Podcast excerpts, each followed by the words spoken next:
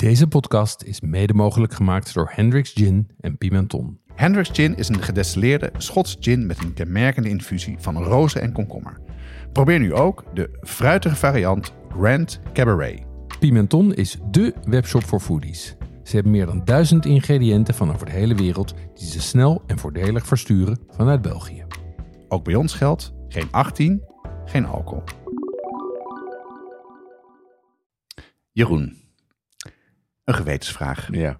Als je moet kiezen, nooit meer boter of nooit meer olijfolie?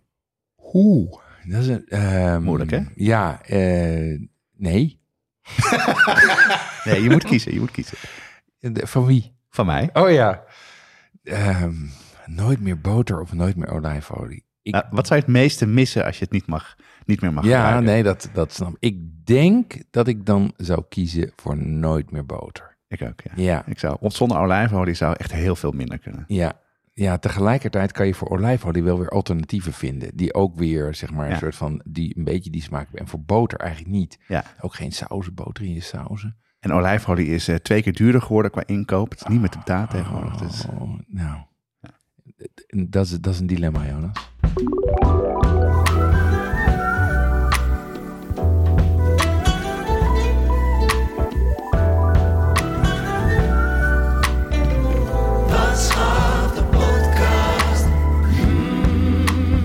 Deze aflevering praten we over boter. Eh, olijfolie hebben we ooit al eerder besproken.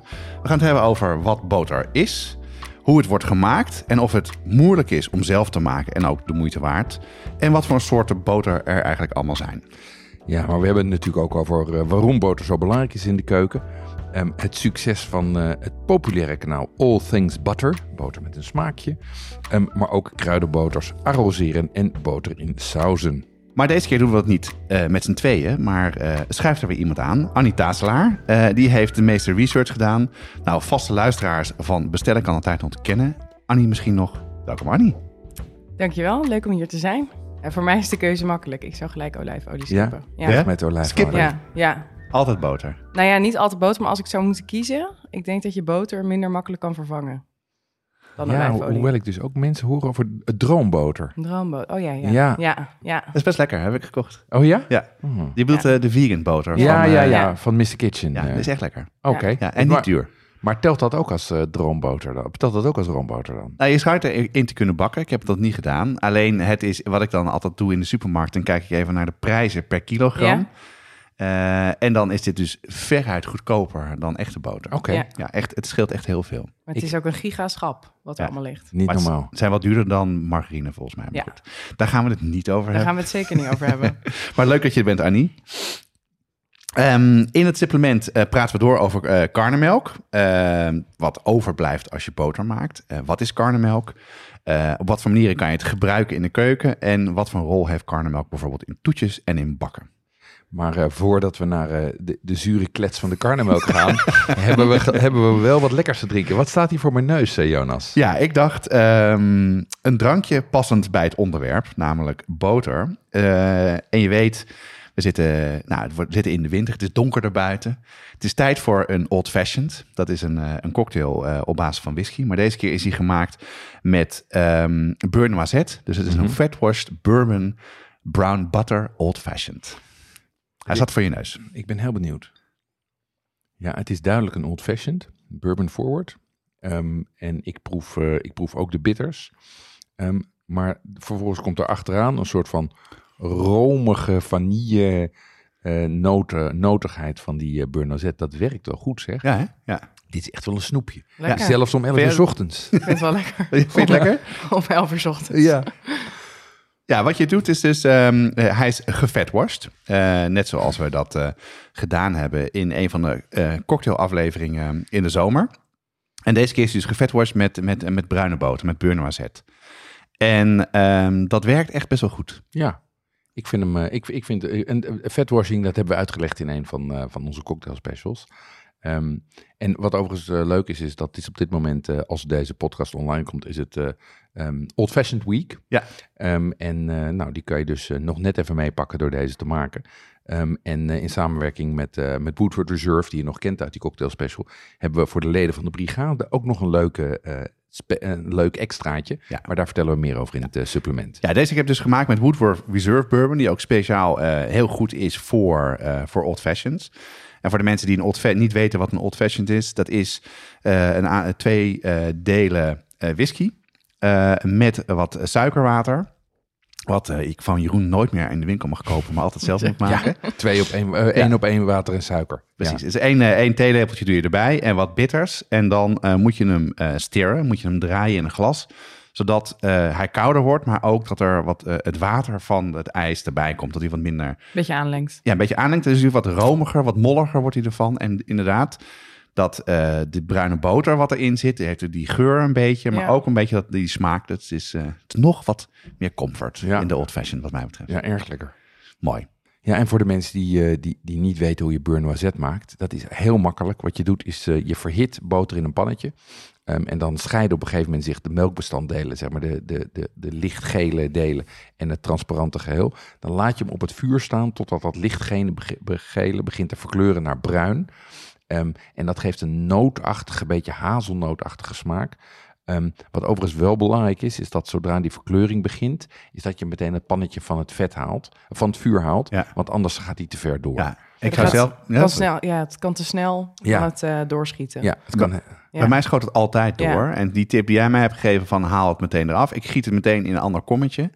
Zodat hij gewoon eh, niet, eh, niet gaat verbranden. ja. En het ruikt ook heel lekker, vind ik. Het ruikt Ja. heerlijk. En heel goed te gebruiken in heel veel soorten gerechten. Hè? eh, beurre noisette. Het is lekker, In alles. bijvoorbeeld met de ravioli eh, is het heel lekker. Of in, eh, in toetjes ook heel lekker. Dus eh, Ja, of opkloppen of een restantje gooien gewoon in de whisky en die zet je in de koelkast. Dan heb je fatworst bourbon. ja, en ik heb dus, de, ik heb dus ook de vetworst eh noisette bourbon. Heb ik, eh, boter heb ik bewaard. Daar ga ik binnenkort lekker eh, iets lekkers mee maken. Oh. Heel goed. Over lekkere dingen gesproken. ehm, we moeten even hebben over eh, de uitreiking eh, van het Food and Friends Gouden Kookboek 2023, Jeroen. Ja, wij zaten daar natuurlijk in de jury, eh, hebben ons van die taak gekweten. En eindelijk was, wat dat betreft voor ons nu gisteren, maar dat is voor de mensen die nu luisteren vorige week, ehm, was de uitreiking. Ja. De winnaar is geworden Shin Interest, eh, kookboek over de Chinees-Indonesië, de Shin Int restaurant in Nederland. Ehm, en dat is een, eh, dat is- wij vinden dat nou, de belangrijkste overweging daar was dat het toch een heel belangrijk boek is voor, eh, voor de Nederlandse culinaire cultuur. En in het eh, juryrapport wordt het zelfs genoemd het kanon van de Shin Int restaurantcultuur in Ja. Nederland. Ja, en wat ik heel leuk vond eh, eh, bij de uitreiking gisteren is dat eh, de winnaars eh, waren echt ontzettend blij. Ook in de speech die ze gaven was het ook van... het is echt een mooie erkenning voor, voor deze restaurants in Nederland... maar ook voor de derde generatie waren ze toch Ja, die, eh, ja. die het boek gemaakt hebben. En, eh, en iedereen is er trots op. En eh, er komt volgens mij een nieuw boek aan. Eh, dat zijn ze al.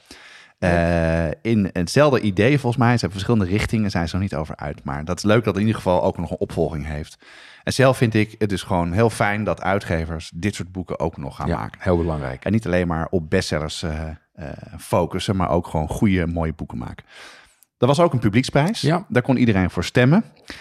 Ik liep bij de, bij de, naar binnen bij de uitreiking en ik zag ineens een hele lange man staan. Rutger van den Broek, Ja. met, met zijn vriend. Denk, hé, hey, wat doet Rutger hier? Ik denk, oh, dan weet ik al wel wie de publieksprijs gewonnen Ja. heeft. Dat was dus eh, Rutger van den Broek met zijn boek Toetjesbijbel. Daar hebben we een hele podcast over opgenomen, over dat boek en over hem. Dus eh, als je die nog niet geluisterd hebt, luister die zeker terug. Ontzettend eh, leuk boek en ook een hele terechte winnaar vind ik voor de publieksprijs. En zeker ook Sinin, daar ben ik ook heel erg blij mee dat hij Ja. gewonnen heeft. Ja, leuk. Nou, volgend jaar nog een keertje. Dus hartstikke leuk. Nou, mooi. Wat heb jij nog eh, gedaan culinair de laatste tijd? Oeh, ja, ik ben culinair vrij druk, dus ik moet even een beetje selectie maken. Nou, laat ik, laat ik eerst even beginnen bij... ehm, eh, ik, ik was bij de Best Chef, bij Daaldor. Dat is een soort... eh, dat is een samenwerking van een groot aantal echt Michelin-sterrenchefs. Ik denk dat er hier totaal 12 of zo in de keuken sta- stonden. 12 sterren bij elkaar. En die koken dan allemaal één of twee gangen. Ja, ja. Ehm, dus dat is een hartstikke leuke manier om kennis te maken met de stijl van die chef, zonder meteen af te reizen naar Nune of Zwolle of whatever.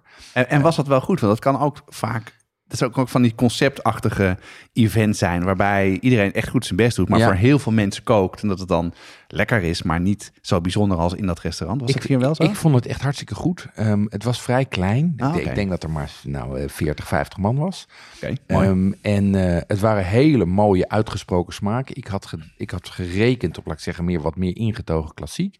Maar het was echt vol op het orgel. Ehm, als ik even een paar, eh, een paar, paar memorabele gerechten eruit mag halen. Ehm, er was een, eh, een barbecue tempeh van Sunil. Bahodur van de Lindenhof. Die Ja. was echt heel erg lekker als een voorgerecht. Heel vol van smaak. Eh, Dennis Huwe van de haalder zelf. Die had een oester met caviar gemaakt. En die was zeg maar gepocheerd. Dus die zat in de schaal, gepocheerd en dan een lepel caviar erop. en waarin was hij gepocheerd? In zijn eigen vocht? Of, In, eh, ja, in zijn eigen vocht. En volgens Ah. mij zit er ook een beetje room in. Dus dat was, was heel erg lekker en vol van smaak. Ehm, wat, ik de meest, wat ik de meest, laat ik zeggen, far-out eh, eh, gerechten vond, die waren van eh Michel van der Kroft van Tres uit Ja. Rotterdam. Die had een gefermenteerde peer. En ik moet het even proberen te reconstrueren. Maar dat was een peer die was twee weken gefermenteerd. En bedropen met het vocht wat afkwam van de miso die hij zelf maakte. Dus dat miso dat laat vocht los terwijl het staat te Mhm. fermenteren. En dat had hij vervolgens weer over die peer gedaan. En hij had nog een paar van dat soort far-out gerechten.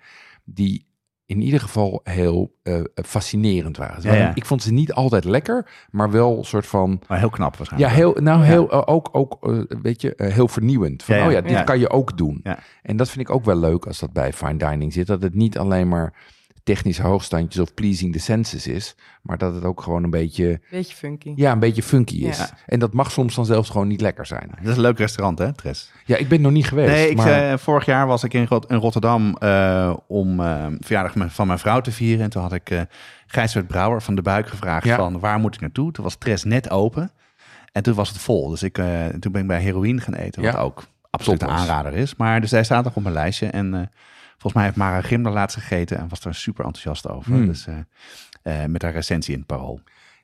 Overigens, door dit menu is bij mij nu ook de Libreie weer op het lijstje gekomen. Want die was ik een beetje vergeten. Maar die dat stond... nou vergeten, man. Nou ja, Het is echt een fantastisch restaurant. ja, maar omdat het, het, omdat het natuurlijk al zo lang zo goed is, zakt dat dan toch een Nee, beetje weg maar, in de maar opkomst. het vernieuwt de hele tijd. Dat, Nou ja. vind, ik, dat vind ik het leuk. Dit vond ik dus ook vet. Het, er was hier een, eh, de, eh, nu stond Johnny er niet, maar blijkbaar zijn tweede man Nelson Tanate, ken ik niet. Ja, die staat al een tijdje. Ja. Is die, eh, Maar die had een, had een toetje gemaakt wat eigenlijk gebaseerd was op een nasi goreng. Een soort van combinatie van nasi, atjar en pindasaus. waar? maar dan als een toetje. En dat werkt natuurlijk goed, want daar zit de pinda, is natuurlijk, kan, kan je sowieso zoet en hartig mee.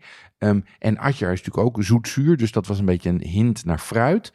En, eh, die, dan zat er iets bij met, eh, met kurkuma, met, met geelwortel. Dus ik vond een hele knappe, laat ik zeggen, het had qua, qua geuren en qua aroma's en qua presentatie, dacht je, dit is een, een Indonesische nasi. Maar qua smaak was het gewoon een toetje van fru- eh, fris, zoetzure fruitsmaken Leuk. met, eh, met pinda. En ook met rijst. Mm, dat weet ik niet meer. Ik vergeten. ik, ik, ik vond het, maar ik vond het, nee, maar dat is, ja, het is echt briljant gerecht. Ja. Ja, Ja. Ik heb een, een tijdje terug bij de, bij- bij de laatste keer dat ik daar gegeten had, was er wel iets met rijst wat ze hadden verwerkt in een saus. Oh ja? Ja, dus dat het Ja. heel erg de geur van pandanrijst Ja, had. precies. Dus, eh, Ja. Leuk. En verder? Ja, ik heb zelf natuurlijk, ik heb ook staan koken. En ik ben nu helemaal, mijn nieuwe, eh, mijn nieuwe hit bij ons thuis is sabich. Ik heb echt geen idee wat het is. Sabich is Lekker. een, eh, is een eh, Midden-Oosters of Israëlisch gerecht. ehm, eh, en dat is een, eh, een pita, gevuld met hummus en tahina. eh, en eh, eh, dunne eh, gebakken aubergine. En eh, eh, Israëlische salade, dus eh, tomaat, komkommer, ehm eh, peterselie. Ja? Ehm, en gekookt ei In stukjes. En daar gaat vervolgens overheen amba. En amba, dat is, dat is eigenlijk de star of the show. Dat is een, ehm, dat is een, een mango, een zoetzure, kruidige mango saus... die van origine uit, ehm, uit Irak komt. Ik heb het er ook even over gehad met, ehm, met Saar. Die zei, amba is de mayonaise van Irak. Dat Ja. gooien ze overal op. Sarah Kaushat. of- ja, precies. Shaukat, Ja, precies. Ja, sorry. Ehm, en, eh, die, eh, en die had ik zelf gemaakt, die had ik zelf gefermenteerd.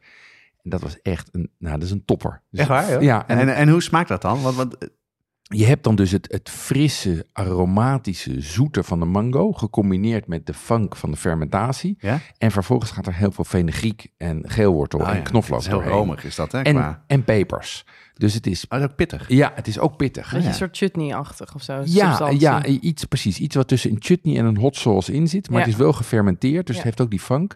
Ja, en dat op zo'n broodje wat natuurlijk vol zit met tahina Het en gekookt lekker, ei. Dat is echt groot succes.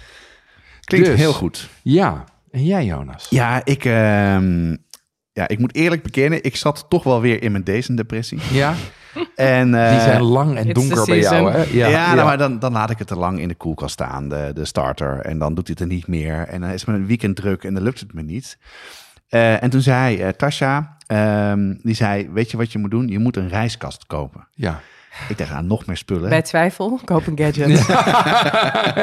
Help je er doorheen. Dat, nou ja, maar goed, zij zei wel, en dat is ook wel wat ik herkende, is eh, ik had niet zoveel controle over het hele proces. Nee. De ene keer lukt het wel, de andere keer lukt het niet. Ik had al een mail van, nou goed, daar hebben we uitgebreid al vaker over gehad.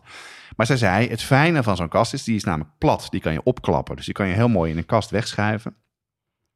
Was een belangrijk argument thuis. Bij mij wel, Ja, want ik heb ja. niet heel veel ruimte meer over in mijn keuken met alle gadgets. Eh, het mocht ook van mijn vrouw. Ze zei, Ja. ja, doe maar. Ja, ontheffing. Akkoord. Ja, Ja. en het fijne was, eh Bak Totaal is, een, eh, is een, een sponsor tegenwoordig. En we hebben daar een mooie kortingscode voor. Dus dat was een, een extra argument om het te kunnen kopen. en, maar het werkt fantastisch. Echt, sinds ik het ding heb, lukt het gewoon weer helemaal perfect. Elke dag vers brood. Nou, nu elk weekend weer vers brood ben ik weer aan het doen. Ja. Ja. En wat namelijk, eh, het, is, hoe, het is, het is een warmhoutplaat. En daar zitten dus eh, soort zijkanten die zo in elkaar kunnen klappen. Dus je kan het heel makkelijk openklappen. Je kan de temperatuur daarop bepalen. Er zit een soort van bakje in waar je ook vocht in kan doen om het vochtig te houden. En dan kan je de, dan zet je dus gewoon je brood in. En dat is dan gewoon structureel 28 of 29 graden. Ja. En dan eh, duurt het maar een paar uur. In plaats van de ene keer twee, de andere keer vier uur. Ja, het wordt, het wordt voorspelbaarder, het Ja. proces. Dus eh, ik ben er echt. dat is, ik had het niet verwacht, maar ik ben echt heel erg blij mee. Leuk. En, Ik heb hier wel eens do-it-yourself mijn stoof voor gebruikt. Zo'n elektrische warmtedeken. Ja, ja, zou ook goed Zo'n matje Ja. die je dan om je kom heen vouwt. En dan zet je die gewoon aan. Dan gaat het ook als een trein. Ja. Kijk. Ik heb ook zo'n matje voor onze poes, Ja. maar dat durfde ik niet te gebruiken. die is wat ouder en die eh, wil het graag warm hebben. Dus. ja. Ik heb ook nog lekker ergens gegeten. Eh, het was, eh, ik, ben, ik was in Antwerpen en ehm, Barbara Cerulus, die zat ook in de jury van de kookboekencompetitie. en ehm, daar had ik een keer contact mee en zeg van, joh, wat zijn nou leuke restaurants? En eh, toen zei ze, nou kijk maar op mijn Instagram, want ik heb namelijk een gids gemaakt met alles wat ik leuk vind. En sinds ik dat weet eh, en ik ben in de buurt, pak ik hem er altijd bij. En deze keer eh, was het mooi, want we wilden even de files vermijden om bij de ringweg. Dus we zijn daar gaan eten. En dat was bij Table d'Eau. Dat is een eh, Koreaans restaurant in Antwerpen. Oké. Vroeger hadden zij een, ehm een eh, foodtruck. En, eh, en een beetje in een buitenwijk is het. En dat was echt ontzettend lekker. En dat was ook gewoon echt, echt goed eh, Koreaans. Met alle gerechten die je daar kan bedenken. En ik had uiteindelijk een kimchi jjigae besteld. Dat is een soort van stoofschotel die op een hete, in een hete pan, gietijzeren pan komt. Dus dat, dat, dat, dat kookt als een dolle als het op tafel wordt gezet. Is een soort van stoofgerecht met kimchi en, en buikspek en eh groenten en dat soort dingen. Met rijst erbij. Ja, you had me at kimchi. Ja. Dus eh, ja.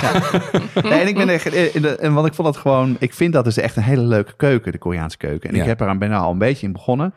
En ik heb daar meteen ook een heel mooi kookboek gekocht. Een beetje vergelijkbaar met, met de Silver Spoon. en een Mexicaans kookboek van, dit is vooral van Taschen, waar gewoon met weinig foto's heel erg veel recepten in staan. Dus binnenkort, eh, volgend jaar misschien een leuke aflevering over een nieuw gerecht eh, uit de Koreaanse keuken. Oh, leuk. Ik ben heel benieuwd. Ja.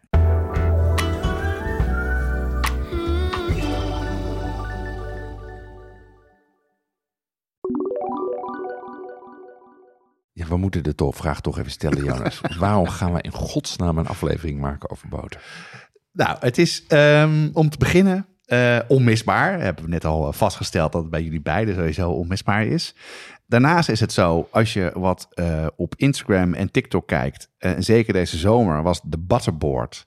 Dat was eh, de opvolger van een charcuterie board. Ja. Namelijk Ja. een, een grote plank met allemaal boterdingen erop. En wat ze vooral in Amerika zetten. Maar dat was Heel populair. En ook populair bij jouw vriendinnen volgens mij, Heel, toch? heel populair. De butterboards? En gewoon een, een houten plank en dan allemaal likjes boter erop. En dan allemaal toppings, soort deconstructed kruidenboter.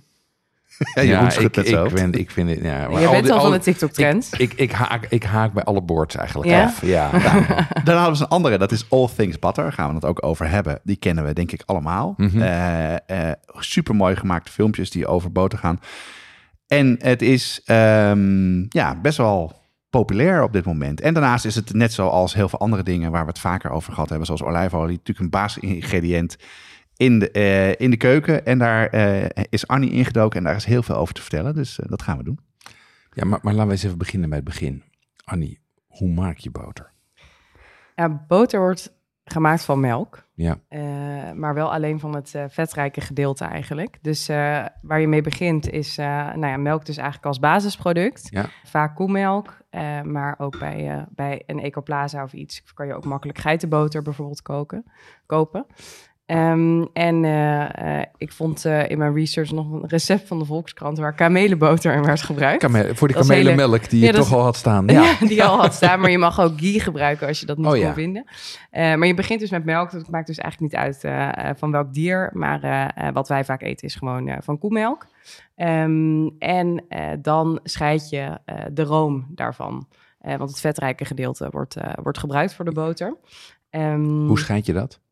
dat komt, zeg maar, ambachtelijk gezien naar boven drijven Ja. als, het, eh, als het staat. Gewoon Eh, wachten dus? wachten, Ja. maar eh, eh, fabrieksmatig wordt het gecentrifugeerd. Oh ja, tuurlijk. Gaat Ja. sneller. Ja. Ja. En koelen ook, toch? Ja, Dus als je het koelen. koelt, dan wordt het vetgedeelte... Precies, ja. dan eh, eh, eh, dat is van invloed op het, op het vetgedeelte. En dan kan je dat dus op die manier, eh, die manier scheiden. Hou je eigenlijk het hele vetrijke gedeelte van de melk hou je over, room. Ja? In de meeste gevallen wordt dat gepasteuriseerd om daar eh, eventuele schadelijke bacteriën uit te halen. Mhm. Je kan ook eh eh eh, rauwmelk eh, eh, van is te krijgen. Tuurlijk.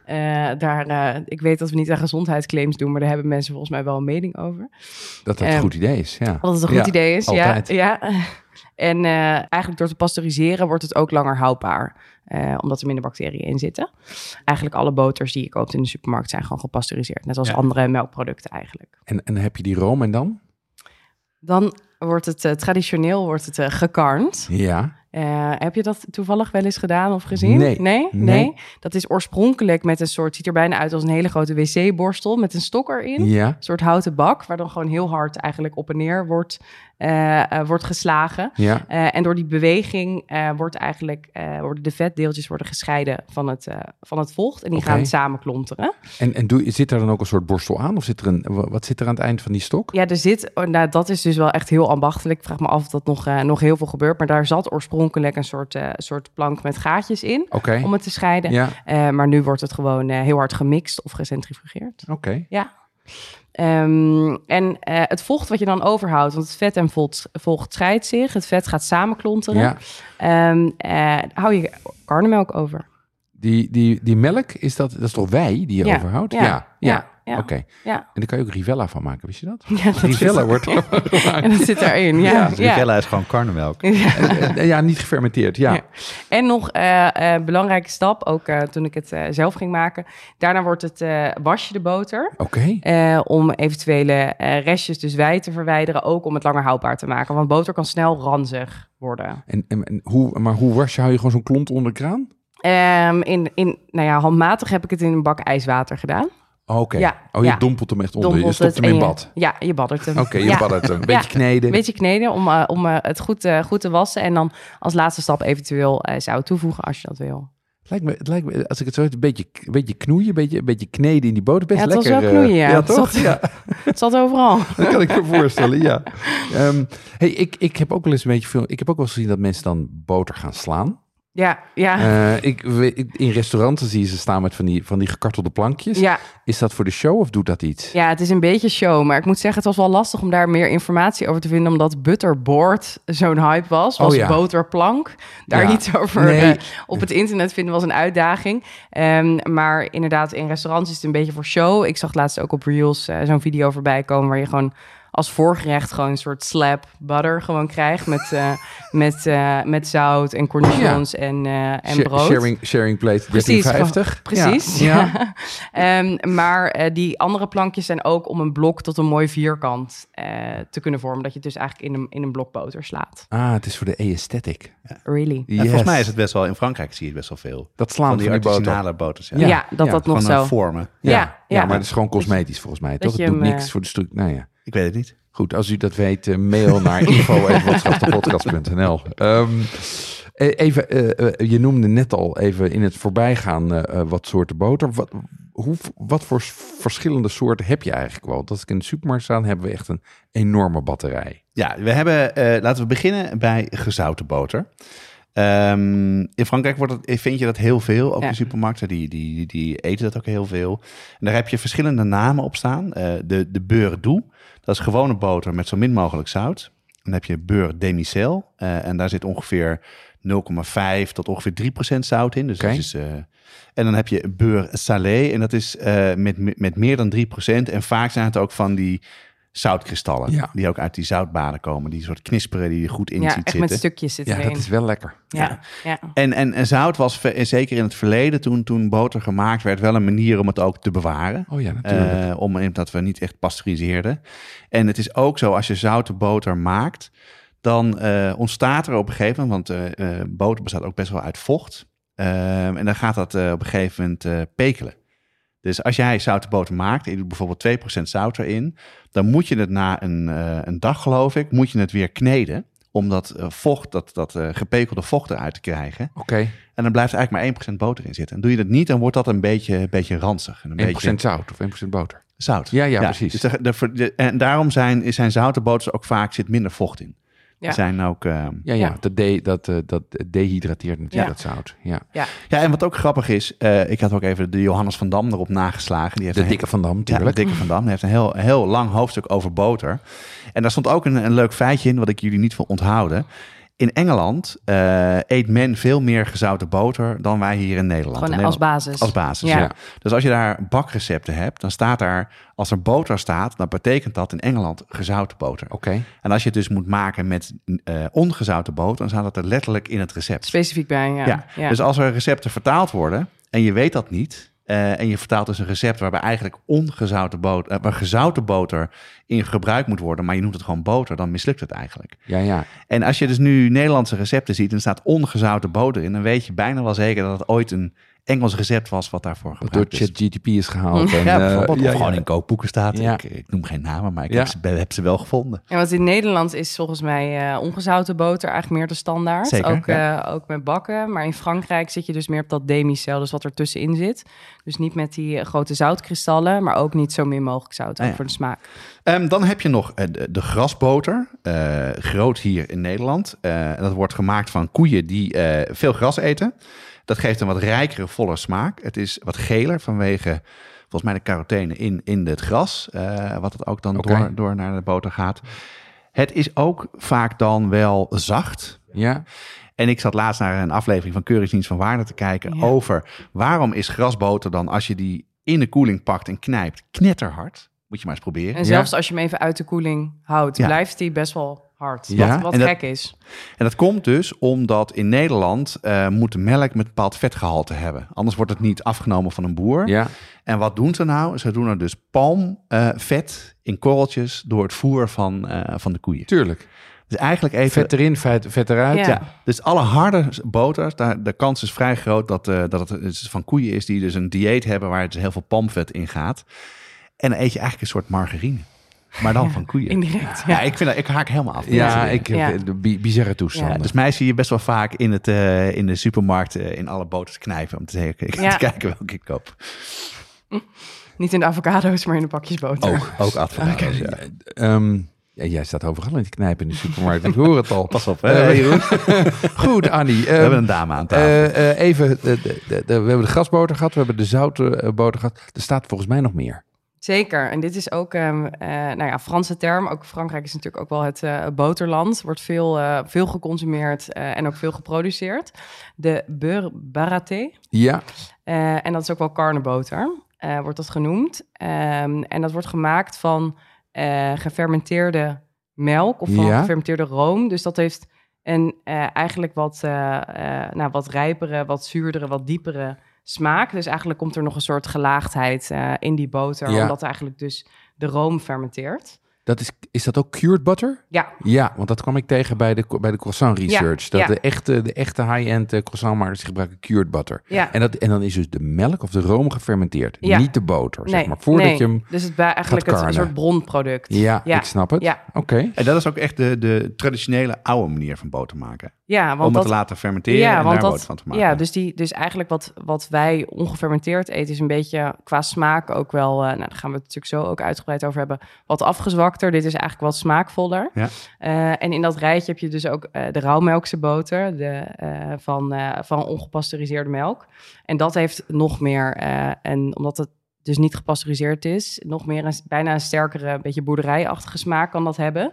Eh, maar het is daardoor ook veel minder lang houdbaar. Oké. Ja. Dus als je voor de full funk gaat, Ja, dan eh, pak funk. je, pak je carne, uh, rauwmelks Ja. met En dan zoutkristallen. moet je het in drie minuten opeten. Ja. En anders, eh, ja, Ja, of, je, of je haalt het bij de boer en je laat het fermenteren en je maakt het zelf. ja, Kijk, Dat ook. ja. leuk, leuk, leuk. Ja. Jongens, ik begin wel trek te krijgen. Nou ja, wat, we hebben het nu natuurlijk veel al over, eh, over hoe je het maakt gehad. Alleen ik ben dus wel benieuwd, als je even gewoon het, aan het product boter denkt, waar smaakt dit in essentie naar? Los van alle variaties. Gewoon generieke boter. Ja, van boter, waar smaakt dat naar? Ja, je typt boter in in de Ja. zoekmachine en Ja, zegt hoe en je, smaakt je dat? vraagt aan Jeroen, ja. Hoe, hoe zou Jeroen beschrijven hoe boter smaakt aan ChatGPT? Ja, ehm, nou ja, kijk, eh, wat ik, er, wat ik interessant vind aan boter is dat het niet alleen maar vet is. Het is niet, bedoel, als je echt dingen eet die alleen maar vet zijn, heb je dat hele harde vettige, maar dit is een soort romige structuur waar je, dat komt natuurlijk door het water en die melkbestanddelen. Dus het is eigenlijk een soort, volgens mij is het ook een emulsie van water en, eh, en vet. Ehm, het is, eh, eh, zeker als het kamertemperatuur is, is het heel zacht, licht zoetig. Ehm, en er zit een subtiele melkachtige smaak in. Zo subtiel dat ik het wel lekker vind. Ik vind melk goor en ik vind boter lekker. Ja. Dus het is, het is een subtiele, dat is een subtiele smaak. Ehm, en, ik, en als je dan kijkt naar de ongezouten boter, is die heel, eh, heel zuiver. Eh, een beetje zoetig, romig. Ehm, en hartige boter, die is echt, zeker als je die echte salé hebt, dan i- die heeft echt een behoorlijk, eh, of eh, gezouten boter, heeft echt een heel hartig profiel. Dus dat, dat, is een, dat is veel hoger op smaak. En ik heb het idee dat je daardoor ook de onderliggende smaak van de boter beter proeft. Dat is natuurlijk ook zo. Zout is natuurlijk ook een smaakversterker. Dus, Ja. Ja. ehm, eh, en wat, ik, wat natuurlijk heel lekker is, is dat hij, dat hij zeg maar zachtjes wegloopt. Dus hij verandert in je mond. Als je een, als je een, een, een stukje, eh, stukje kerststol neemt of zo, je smeert dat met een beetje te harde boter, dan smelt dat zo langzaam weg. Dat Ja. vind ik, die transformatie is voor Ja. mij ook heel belangrijk Ja. in de smaakbeleving. Maar ik kan het wel beschrijven. Jullie hebben, ik zie jullie, jullie hier 15 broodjes hebben klaar liggen. Een butterboard. Ehm, ja, we hebben een butterboard. Ehm, eh, mogen we daar wat van proeven? ja, ja. Zal ik even het rijtje langs ja, wat gaan? heb, je, wat heb je meegenomen? Ehm, we, we beginnen zo meteen met eh, eh, de lekkerste boter uit de supermarkt. Ehm, nee, deze. Uit de supermarkt. Oh ja, uit de deze. supermarkt. Ja? Eh, van Kerry Gold is dat. Gouden verpakking met een groen, eh, groen logootje. Ja. Ierse grasboter. En dit is zo'n boter, Jonas, wat jij net beschrijft. Dat als je in het, in het schap, in de koeling voelt, dan is hij eigenlijk al zacht. Ja, ja. Koud dat- al best wel zacht. Ja, koud, al best wel zacht. Laat staan als hij even nu een paar uur uit de, uit de ijskast is. Dan loopt het bijna weg. Ehm, en eh, de tweede is eentje die ik bij de Kaasboer gekocht. Een Franse, Franse boter. Hoe spreek je het uit? Jeroen heeft zijn mond vol. Beurre de Signy. Beurre d'Isigny. En dat is, eh, dat, dat is eh, eh, uit Normandië. Dus dit is echt, zeg maar, met eh, eh, een soort van beschermde boter, zeg maar. En dit is dus dat demicel, dus dat zit er een beetje, beetje tussenin, eh, qua zoutgehalte. Eerst hebben we nu, gaan- zijn we nu aan het proeven, hè, Ja. Jeroen? De Kerry Gold. Ja. Wat vind je ervan? ja, dat is precies wat ik net beschreef. Een hele, hele zachte, ehm, eh, volle ehm standaardboter, zeg maar. Ja. En dan nu dus de, de wat je net beschreef, hè, Annie. Dus de, de echte de demicel, dus een beetje zouter en eh, eh, betere kwaliteit, toch? Ja, Ja, en hier Ja. krijg je door dat, door, de, door dat zout, krijg je, in, krijg je retronasaal. Dus als je uitademt na het proeven, krijg je dat hele sterke, diepe boteraroma. Dus hij is wat, ehm, hij is wat hoger op smaak. Ehm, en dit is ook wel gepasteuriseerd. Want ik zou bijna denken dat hij niet gepasteuriseerd was. Hij is veel smaakvoller. Hè? Ja. Die andere was een beetje zoeter, romig. En Deze is, eh, hij heeft veel, en veel, veel, ja, een veel interessantere smaak. Veel meer, eh blijft, blijft ook langer in je, in je mond. Ja, maar dat kan natuurlijk ook door het zout komen, Ah. hè? door de smaakversterkende werking. Deze is, eh, deze is inderdaad gepasteuriseerd. ja, Eh, dus de ingrediënten zijn ook eh, eh, gepasteuriseerde room en zout. ja, That's it. wel lekker. Ja, heel lekker. En de derde, die had je nog niet omschreven. Wat voor een, dat is, eh, dit zit in wit papier met geen zit- merk erop. Nee, dat is, eh, ehm, dit is roomboter. Of nou, eigenlijk kan je gewoon boter zeggen. Het is boter van de, van de Sophia hoeve. En dat is een prijswinnende boter. Ja? Ehm, en eh, dit is, nou, na wat research wordt dit de lekkerste boter van Nederland genoemd. Ehm, en, Door wie? Nou, onder andere door Joris Beijendijk. Ja, Ehm, boter en- adept. Zeker. En ehm, ik ben dus op hun website even gaan kijken waar je dit dan eh, kan kopen. Ehm, en eh, bij Kaasboer bij mij in de buurt eh lag het. Dus ik kwam naar binnen. Ehm, ik zag al wat andere boten ook liggen. Dus ik vroeg, heb je ook deze van de Sophia Hoeve? En toen had hij nog twee van deze grote... Het is best een grote rol. Volgens mij is dit 500 gram Zo'n pond zijn, ja, als hoe ik je het zie. koopt. Eh, en er zit dus geen etiket op, het zit in bakpapier. En toen vroeg ik ook, wordt het veel door particulieren gekocht? En hij zei eigenlijk alleen maar Amsterdamse horeca. Oh ja? Ja, En wat kost? eh, wat het kost, deze was volgens mij... Nou, het viel volgens mij wel mee, want volgens mij was dit 8 of 9 euro voor 500 gram. Maar die Franse, die is veel minder en die was ook 8 euro Ja, ja. voor die rol. Ja, normaal is iets van 3,5 euro Ja. voor eh, 250 gram in de supermarkt. ja, als je wat, eh, als je dus eh, Tussen de bijvoorbeeld die- 3 en de 3,5. Precies. Vind Deze, wat vind je ervan? Ja, heel lekker. Maar hij is wel hij is funky. Hij is funky. Hij is ietsje funkier dan we net hadden. Ja, Ik denk als deze met zout is, die, dan is het nog, eh, wordt hij nog toffer.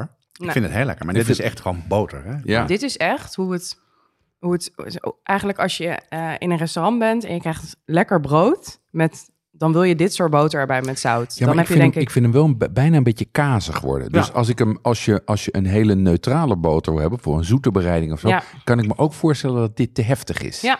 Dit zit hem vooral wel in de hartige hoek, zeg maar. Nou, dan Zeker. gaan we de laatste. Dat is de meest bijzondere boter. Namelijk, die heeft Arnie zelf gemaakt. deze is gemaakt van eh, biologische slagroom, van weerribbenzuivel. Mhm. Ehm, dus die heb ik zelf gekarnd. En die is misschien omdat je hem nu ook na die wat meer funky proeft. Het is on- onaardig om te zeggen, maar die, hij, is wat vlakker. Hij, Daarom. hij, denkt dat hij, hij is lekkerder dan die Kerrygold, moet ik zeggen. Hij zit denk ik, als we het op het rijtje hadden gedaan, zit hij inderdaad na de supermarktboter. Ja, ja. Want het is ook echt, die slagroom is ook echt heel lekker, heel smaakvol. Ja. Maar zo zie je eigenlijk ook dus de, nou ja, dus eigenlijk... eh, Enorm smaakverschil. Hè? enorm smaakverschil in, in. En dat komt gewoon door de gradaties van het basisproduct Ja. wat je hebt. Plus nog dan nog eh, eh, los van nog al het gefermenteerde en alles wat je kan doen. Ja, dus dat, maar dat is gewoon het verschil tussen de melk die erin is gegaan. Ja. Ja, zo simpel is het natuurlijk. Ja, ik vind hem wel erg, ik vind hem, ik vind hem wel erg lekker. Ik bedoel, het is echt, eh, je zegt niet, dit is zelf geknutselde boter. Dit hier kan Helemaal je, niet. Nee, het is hartstikke goed. Ehm, en die Sofia Hoeve, die is ook, eh, die is top. Die rol neem ik straks mee naar huis. Of we verdelen hem in drieën. jongens. Ehm, hey, en en ehm, eh, jij zegt net al, de, het wordt, komt dus eigenlijk uit de melk. Ehm, wat, wat bepaalt de smaak van de boter? En dat begint eigenlijk eh, bij de koe. En Ja. ook wat dus de koe eet, wat we net, waar we het dus net al ook over hadden, over eh, dus het, het palmvet, wat eventueel dus in eh, Wordt bijgemengd? wordt Ja. bijgemengd. Kijk, dat is natuurlijk net zoals met eieren. Ehm, wat de kip eet, dat bepaalt ook de smaak van de dooier en hoe de kleur eruit Ja. ziet. Ehm, en ehm, in, eh, in, in Frankrijk, en dat heb je volgens mij ook, al, ook bij kaas, Ja, wordt er ook onderscheid gemaakt tussen zomer- en wintermelk. We hadden het net al even over die grasboter. Eh, dat dat eh, ook iets doet met de smaak van de melk en daarmee dus ook met het eindproduct. Ehm, waarbij dus bij een zomermelk het wat zachter is, wat geler, door de hoeveelheid eh, eh, gras die er wordt gegeten.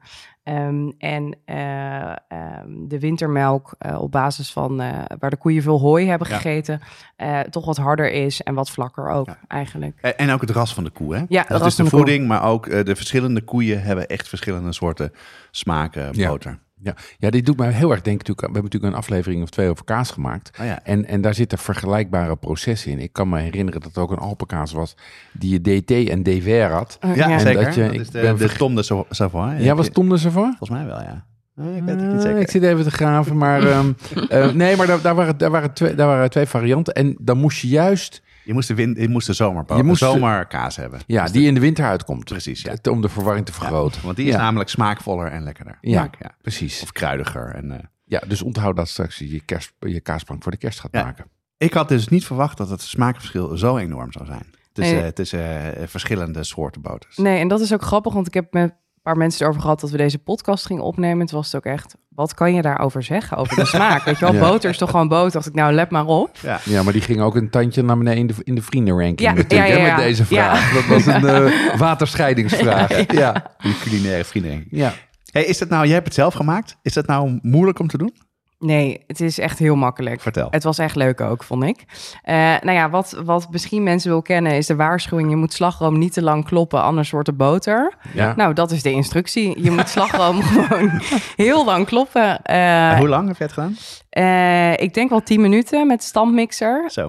Maar mijn huisgenoot vertelde dat zij ooit op een boerderij een soort mini-workshop had gedaan... waar ze het in een potje moest doen. Dus slagroom in een potje en dan gewoon heel hard schudden. ja. Eh, want dan krijg je dus dat, eigenlijk dat effect van dat karnen... dat het eh, vocht en het vet gescheiden wordt... en dat het vet gaat samenklonteren. Dus ik had eh, ehm, mijn keukenmachine neergezet, standmixer... eh 600 milliliter, dus biologische slagroom gekocht... ehm, en aangezet. En toen dacht ik, nou, ja. nu gaan we beleven. En dat duurde echt best wel lang. Maar ik dacht, nou, hier, hier kan je toch niet iets mis aan doen? en op een gegeven moment ging het, gaat dus van, nou, eh, een soort van lichtgeklopte slagroom naar echt stijve pieken. Naar dat je ziet, oeh ja, dat, er blijft eigenlijk een soort patroon ja. in staan, omdat het eigenlijk zo hard geslagen is. En dan opeens wordt het heel korrelig, alsof het schrift Slaat die om, zeg slaat maar. het echt om. Ja. Nou, toen moest ik het spatscherm van de KitchenAid er wel even opleggen. Want dan, dan klop je op volle snelheid water. Nou, dat, zat, dat Ja. schoot natuurlijk tegen de keukenkast aan. Ehm, en dan eh, gaat het van schrift naar samenklonteren door het verder, eh, eh, verder kloppen. En dan zit eigenlijk dus in de garde van je mixer... zat gewoon een soort brok vet, Oké. boter. Heel gelig werd En, het. en dan? Eh, nou ja, dan heb je het, eh, heb je het dus gekarnd. Eh, ik heb het toen afgegoten in een, een, een bak met een zever Ja. in en een kaasdoek erin. Ja. Ehm, zodat je dus eigenlijk je karnemelk of het, het Je dus kan, je wei kan, kan opvangen. ja. Voor de Rivella? Voor de Rivella inderdaad. Ehm, en nou, omdat die kaasdoek erin ligt, kan je makkelijk die boter een beetje uitwringen. En toen heb ik hem in een bak met ijswater dus gewassen en gemasseerd. Je hebt handgemasseerde boter van mij net, net gegeten. Ehm, en ik heb er verder geen zout aan toegevoegd. eh, om even ook eh, meer de pure smaak, zeg maar, eh, te, kunnen, te kunnen proeven net. Ehm, en, ga je het de volgende keer wel doen? Zout toevoegen? nou, ik zou het, ik had het nu, had ik het geproefd. En toen had ik dus gewoon zout, had ik op het brood, zeg maar, gedaan. Dan kan je het natuurlijk gewoon, eh, ja. gewoon doseren. En verandert Eh, de smaak dan heel erg? Denk het wel, hè? Ja, Ja. het is wel echt een smaakversterker. En, dat zou, en die zoutkristallen geven natuurlijk ook ehm, eh, eh, smaakeffect.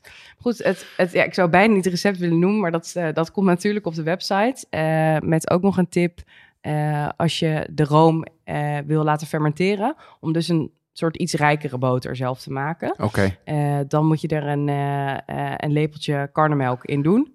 En een dagje op, eh, op eh, kamertemperatuur laten eh, Oké. fermenteren. Eigenlijk net zoals je yoghurt maakt. Precies, Ja. ja. ja, Dus Ja. dat is nog voor, mocht je een, Oh, eh, een extra, Ja. eh, extra willen experimenteren. Eh, maar de recept komt op de website. En is het, is het de moeite waard? Behalve dat het leuk is om een keer te doen en dat proces door te gaan. Maar is het iets wat... waar- ga jij vanaf, vanaf nu elk, altijd je eigen boter maken? Ehm, nou, niet per se. Eh, ik denk dat het eh, leuk is om het een keer te proberen, omdat je echt die fase zeg maar ziet. En eh, het is natuurlijk ook best flex om dat te zeggen als mensen komen eten dat je dat zelf Ja. hebt gemaakt. Maar ehm, die slagroom, die is, die was volgens mij iets van bijna, denk 2,50 richting 3 euro voor zo'n bakje. Ja. Dus je zit dan voor eh, van 600 milliliter slagroom hield ik ongeveer 200 is gram boter over. Is economisch niet? Oh, Economisch- Bijna, bijna wel, toch? Nou, met, nee, heb je drie van die bakjes nodig. Oh, drie. Ja, Oké, dus ik dacht dat dat je is- er één had. nee, Ja. dus drie, drie bakjes slagroom. Ehm, dus in dat opzicht, als je dus het echt van een lekker basisproduct wil maken, is het niet per se heel rendabel om er dan zelf boter van te maken. Ja. Nee. Ja. Maar als je gaat fermenteren weer wel, want die is veel lastiger te krijgen. Ja, ja, Ja. ja, ja. Dus dat is een afweging. Dus het is alleen voor, voor de, de speciale gelegenheden. Ja. ja. ja of, of als je natuurlijk aan hele leuke, lekkere eh, melk kan komen. Precies, het gaat, dat is eigenlijk het. Als, Ja. als het basisproduct goed is, Ja, je dan is het natuurlijk leuk om dat, er, dat ervan te Als je een maken. bevriende boer hebt die alleen maar graast op heide of zoiets Ja. of zo, dan is het wel weer leuk om te doen. Dat kan ik me voorstellen. Ja, ja leuk hoor. Ehm, even wat, we, we hebben het net even, eh, dit, dit is zeg maar de boter als basisproduct en hoe je het maakt. Het wordt natuurlijk ontzettend veel gebruikt in de keuken. Wat, wat, welke functies heeft dat eigenlijk allemaal, eh, Jonas? Ja, best veel. Ehm, eh, het is vaak, eh, je kan zeggen, het is een ingrediënt in gerechten. Je kan ermee bakken en het is een smaakversterker. En eh, vanwege het vet en vanwege de smaak geeft het vaak gerechten een wat rijkere smaak en textuur. En in bakken bijvoorbeeld is het zo dat als je boter gebruikt, dan remt het een beetje de, ei, eh, de eiwitten eh, in het meel, waardoor je dus een veel, ja, eh, een beetje knisperend, verfijnd resultaat krijgt, deeg krijgt. Wat er leuk aan is, dat is, vet is natuurlijk een smaakdrager. Mhm. dus aroma's lossen goed op in vet. Ja. Dus dat is iets waar je heel erg veel mee kan doen. En, en de- wat je had het net al even over hoe lekker het is dat boter smelt. Maar eh, vet op je tong zorgt ervoor dat als daar aroma's in zitten, dat ze langer op je tong blijven en langer contact met je smaak. lijm. Een beetje lijm. lijm. Dus daardoor eh, lijkt het alsof het veel sterker smaakt. Omdat het langer en langer effect op je, Ja, op je ja. tong heeft. En het is ook een, het is ook een smaakversterker. Eh, net zoals zout is het een smaakversterker. En, en verlengt het dus heel erg je smaakbeleving. Dus dat zijn een beetje de belangrijkste functies ervan. Maar laten we het dan nu ook even over de toepassing in de keuken. Wat kan je er allemaal mee? Ehm, eh, wat zijn wat jou betreft, Annie, eh, de belangrijkste dingen die je met, met boter kan doen en toepassen in de keuken? Ehm, dan te beginnen met eh, kruidenboter of boter met smaak. Ja. Ja. dus het wordt culinair hoogstandje vandaag. Eh, maar ook de kooktechnieken eh arroseren en eh, eh, boter in sauzen gebruiken. Ja, Ja, ja. ja. Ja. Ja, je, je zei net al kruidenboters. Ja, dan moet ik toch denken aan die hele treurige kuipjes bij de supermarkt. Ehm, dat vierkante kleine bakje. Ja, dat vierkante kleine bakje of dat hele zielige bakje wat je krijgt bij een verkeerd restaurant.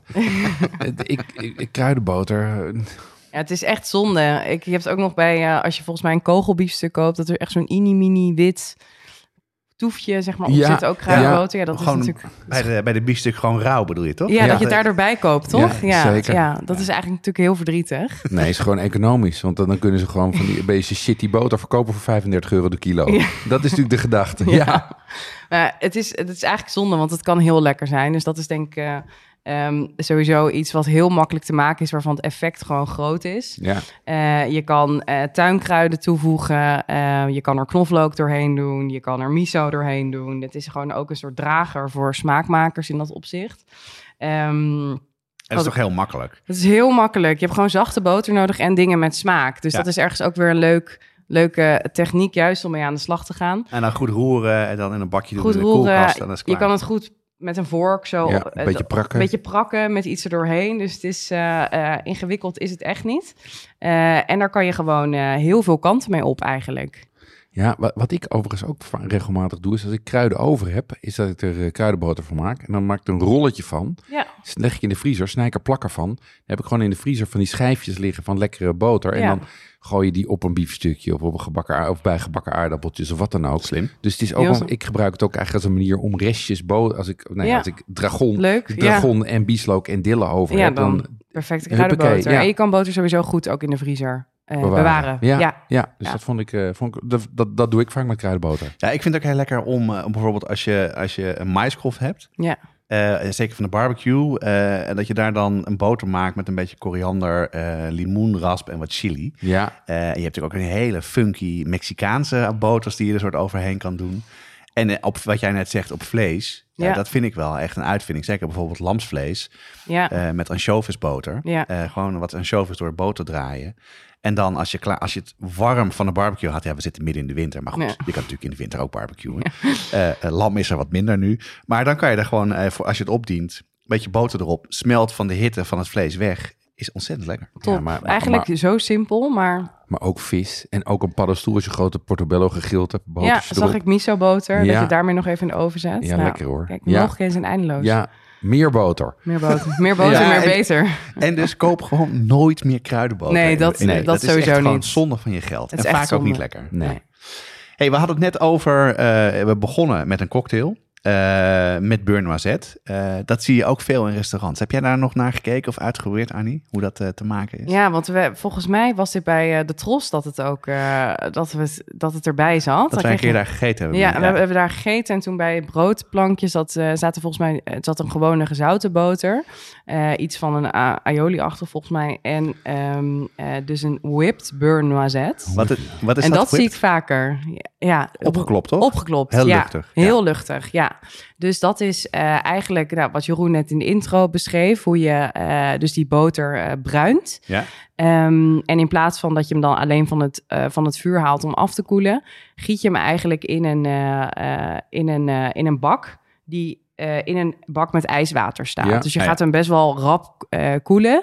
En dan moet je echt heel hard kloppen, want het koelt snel af. En dan klop je hem eigenlijk op tot een soort luchtige crème eh, weer.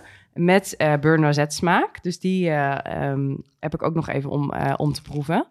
Hij is Oh. iets minder luchtig, omdat hij eh, weer in de ijskast is geweest. Dus je maakt hem wel eigenlijk, nou, ik denk à la minuut. En dan laat je hem uit de koeling. Maar hier, dit is dus wel, dit is dus boter met gebruinde botersmaak. Ja, maar dat is zo lekker dit. Het is bijna een soort van karamel, eh, alsof er, su- of er suiker doorheen zit. Hè? En als je dan ook die hele lekkere boter neemt, die we hadden, die, eh, die alleen de horeca koopt. Maar en nu weet ik dat winkel, ik ga zo het adres voor het winkeltje vragen. Als je dat hier nog mee maakt, is het nog lekkerder. denk ik. Ja, en ik heb helemaal, ehm, eh, ik heb, ik heb helemaal een croissant-associatie hierbij. Zeg maar dat, Ja, dat gekarameliseerde, ehm, boterige. Dit is gewoon als je geen croissants in huis hebt, neem wat eh, whipped beurre noisette. Een doosje. Dit is natuurlijk echt wel een hele leuke tip ook voor het kerstmenu. Hè? Heel leuk, want je, je maakt hier sowieso ook indruk mee. En het is dus, het is gewoon boter met één bereidingstechniek. Ja. Dat vind ik leuk. Je hoeft er niks aan toe te voegen. Je gaat er gewoon mee koken. Je klopt hem luchtig op. Je kan hem ook opspuiten. Oh ja, ja, als hij echt doen, heel ja. luchtig is.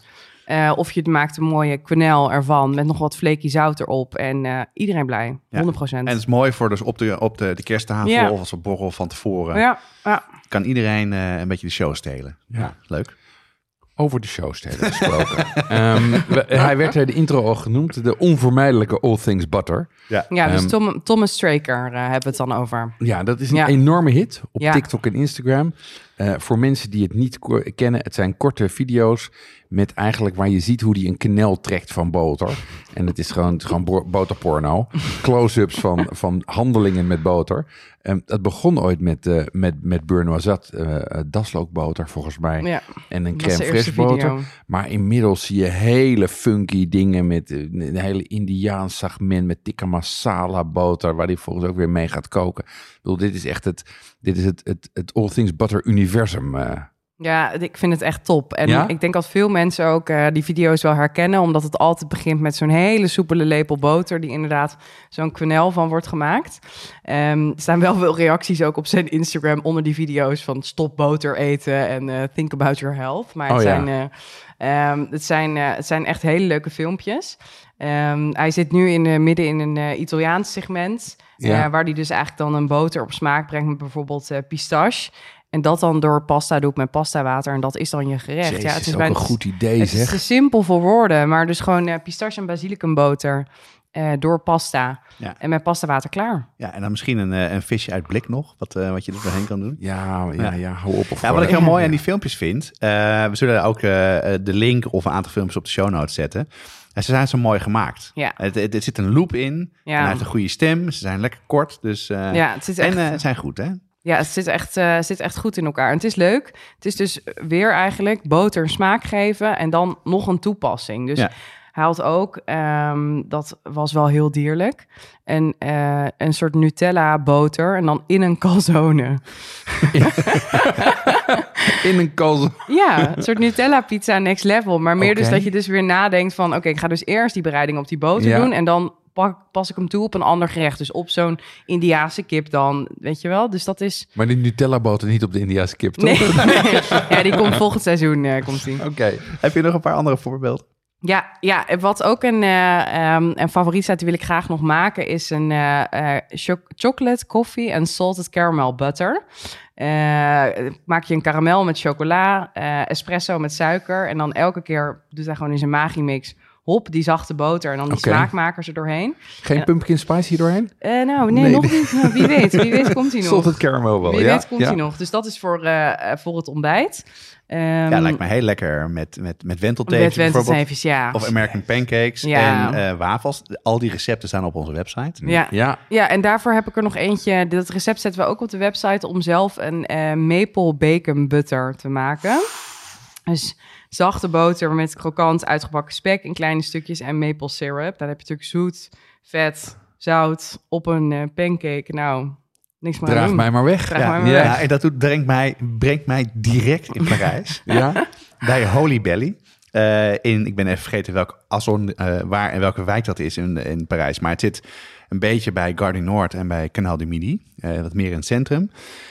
Dat zijn Australiërs die dat een ontbijtrestaurant zijn begonnen. En wij, zaten, wij zaten daar in de buurt met mijn gezin. En we zijn daar gaan ontbijten. En dan zijn we nog een keer teruggekomen. Wat kreeg je daar? Je kreeg er dus American pancakes Ja.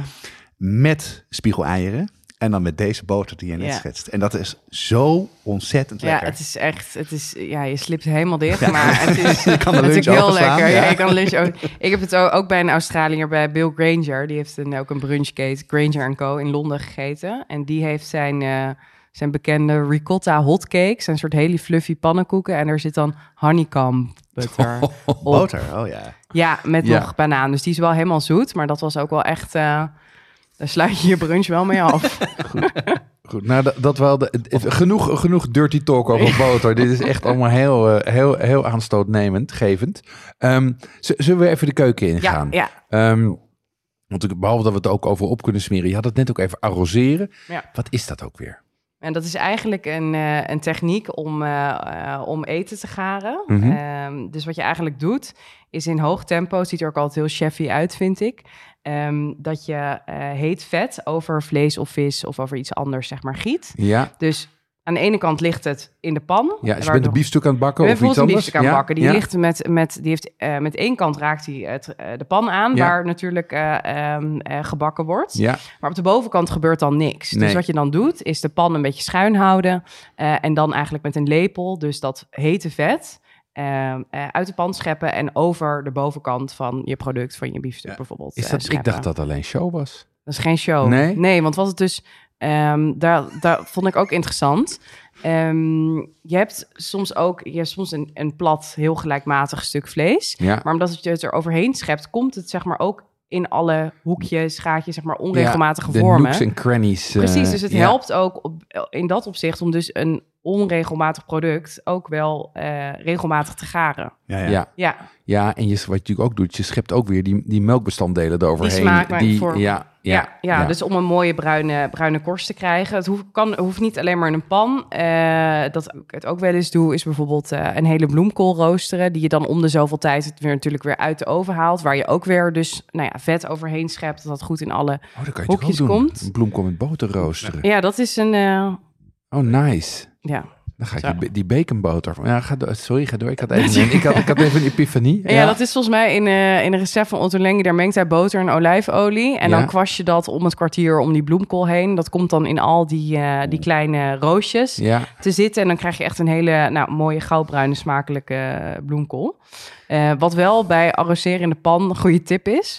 ehm, als je heel chefy dat vet staat te scheppen, vergeet niet dat de onderkant van je product nog steeds bakt. ja. En, en harder dan de bovenkant. Harder dan de bovenkant. Ja, dus ja, dat is, ja. eh, daar moet je in de gaten Ja. houden. Ja, en ik een beetje opletten, zeker als je boter gebruikt, dat het niet heel erg verbrandt. Nee, nee. Zeker als je een biefstuk maakt, is het lekker. Dat zie je heel vaak. Dat er dan eh, wat tijm en wat knoflook bij Ja. gaat. En dan een klont boter. Maar dan Ja. moet je het vuur wel wat zachter zetten. Je Ja. moet eerst met, met olie hem goed aanbakken. Ja, Ja. dus je schroeit hem echt met olie, kan je hoger verhitten. Ja. En dan inderdaad voor smaak komt inderdaad die klomp boter. En dat schep je er dan overheen. Dan heb je dus ook die smaak over je hele product. En je kan natuurlijk al die boters al aan All Things Butter al klaarmaken. En dan zo Ja, een touch geven. Je hele vriezer vol leggen. Lekker. Ja.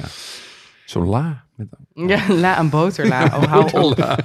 Ehm, maar Jonas, jij hebt vorig jaar eh, de sausenaflevering, heb jij research eh, voor gedaan. Nou, daar, daar, daar kan je natuurlijk ook niet om boter heen. Nee, zeker niet. En, eh, en, eh, en een van de kernsaus is natuurlijk de, de, de mayonaise. Eh, maar ook bijvoorbeeld ehm Hollandaise en, en, en, en eh. Wat natuurlijk eh, met, eigenlijk een soort mayonaise zijn. Maar wat je het vooral voor gebruikt is dat je het... eh, Het, is een heel, het, het is, kan heel goed een binding aanbrengen in een warme vloeistof. En het geeft een wat dikkere structuur aan sausen en wat vollere smaak. En vaak is het zo dat als je dan een hele fijne saus hebt en je hebt hem goed gereduceerd en hij is goed van smaak, maar hij is nog te dun, ja, dan kan je daar even uh, op het laatste moment wat klontjes boter doorheen doen. Ja. Dan verandert de smaak ook een beetje, wordt hij wat zoeter, wat milder. Ja, romiger. En wat romiger, Ja. als je of te veel zout erin hebt, hebt gedaan, vind ik vaak als je boter erbij doet, dat dat ook weer een beetje weer, weer dempt. Dat lengt het weer een beetje aan eigenlijk. Ja. en, eh, en dat is, ik, ik moet zeggen, ik doe dat bijvoorbeeld. eh, ik had laatst had ik een, een tong gemaakt. En die had ik even in, in, eh, in meel gedaan eh, en dan afgeklopt in de pan met boter. Eh, tong eruit. Dan had ik gewoon wat witte wijn ingekookt, eh, wat kappertjes, eh beetje peterselie, dan een paar klontjes boter in. Goed roeren, dat, dat, dat, dat, dat er een goede emulsie komt. En je hebt een heerlijke saus. Ja. Dus sinds ik die techniek, weet je, van het, eh, van het, ja, het monteren van boter, Ja, ja. sinds ik dat een beetje door heb, ja, pas ik het best wel vaak toe. Ja, het is, het is echt heel leuk, want je kan dus van, van je, kan het, je kan het heel veel toepassen. Dus als je al een smaakvolle reductie hebt, dat is nog niet per se een saus. Maar door het toevoegen van die boter maak je er echt een saus van. Dat is Ja. ook een, eh, een leuke, leuke keukentechniek. Eh, wat wel belangrijk is daarbij, is dat die boter heel koud is. Dus wat ik vaak doe, is eh, de boter in kleine blokjes snijden en gewoon even in de vriezer. Oké? En doordat het kleine blokjes zijn en je gaat het er met een garde doorheen kloppen, wordt het ook gelijkmatiger opgenomen. Een groot blok boter in die reduct, dat gaat niet werken. Nee, dus die precies, kleine nee. koude blokjes, dat, dat werkt goed.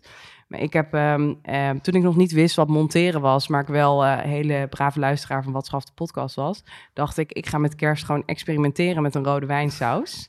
Nou, dat ging helemaal mis. Ja. Want je kan dat niet meer doorkoken, zodra Nee, je het hebt gemonteerd. Want dan scheidt het weer Ja. en dan valt het uit elkaar. dan heb wat- je eigenlijk geschifte saus met heel veel gesmolten Ja. boter.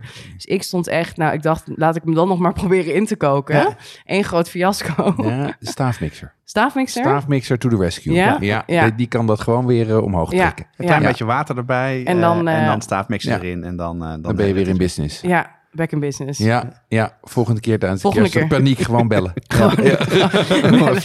Bellen, in de staafmixer. Ja, ja wat, eh, overigens, als je vergeten bent die blokjes te snijden, je kan het ook eh, raspen, Ja. Oh, slim. boter. Ja, Ja, neem je gewoon zo'n grote- boter ja, en dan grof, grof, eh, precies, grof raspen. Ja, ja. Ja. Ja, dat, dat was een, een rode wijnsaus. De andere grote klassieke bo- eh, botersaus is natuurlijk de Beurre Blanc. Jij hebt voor, voor kok geleerd inmiddels, naast dat je een gewone baan hebt, maar ben je ook nog kok. Ehm, hoe, hoe maken we een Beurre Blanc? Ja, die kwam, eh, die kwam zeker voorbij. Dat Ja. was eh, eigenlijk was mijn afkoken, zeg maar, voor het, eh, voor het certificaat. Eh, was een beurre blanc maken, dus zelf eh, eh, de vis fileren en van de gaten een eh, visbouillon maken, reduceren en daar uiteindelijk een saus van maken. Eh, dat recept eh, eh, zet ik ook op de website. Het is echt een leuk recept. Ehm, en wat je eigenlijk eh, doet, is dus inderdaad dus weer die reductie maken, waar je ook wat smaakmakers aan toevoegt. Dus eh shallotje, peperkorrels, ehm, eh, die je eigenlijk dus stroper, tot stroperig inkookt. En dan met een beetje room erbij en dan inderdaad met blokjes boter monteren. En dan heb je echt een hele mooie goudgele eh, ehm, eh, saus voorbij een mooi stukje vis. Ja. lekker mollig sausje. Ja, ja, Ja. ja. We moesten toen- ze toen allemaal op de werkbank, zeg maar, uitlepelen. En dan met je vinger er doorheen om te kijken of de dikte dus, eh, dus goed was. Ja, Dus dat was wel, was wel stressvol en was wel heel leuk om te doen. Ja. Is het moeilijk? Vind je het moeilijk om te maken? Nee, het is niet moeilijk. En wat het, eh, dat was natuurlijk wat met die rode wijnsaus niet goed ging. Wat je eigenlijk kan doen als je dit bijvoorbeeld ook voor kerst zou willen maken, is dat je die reductie helemaal klaar hebt. Dat je die dus, eh nou ja, la minuut.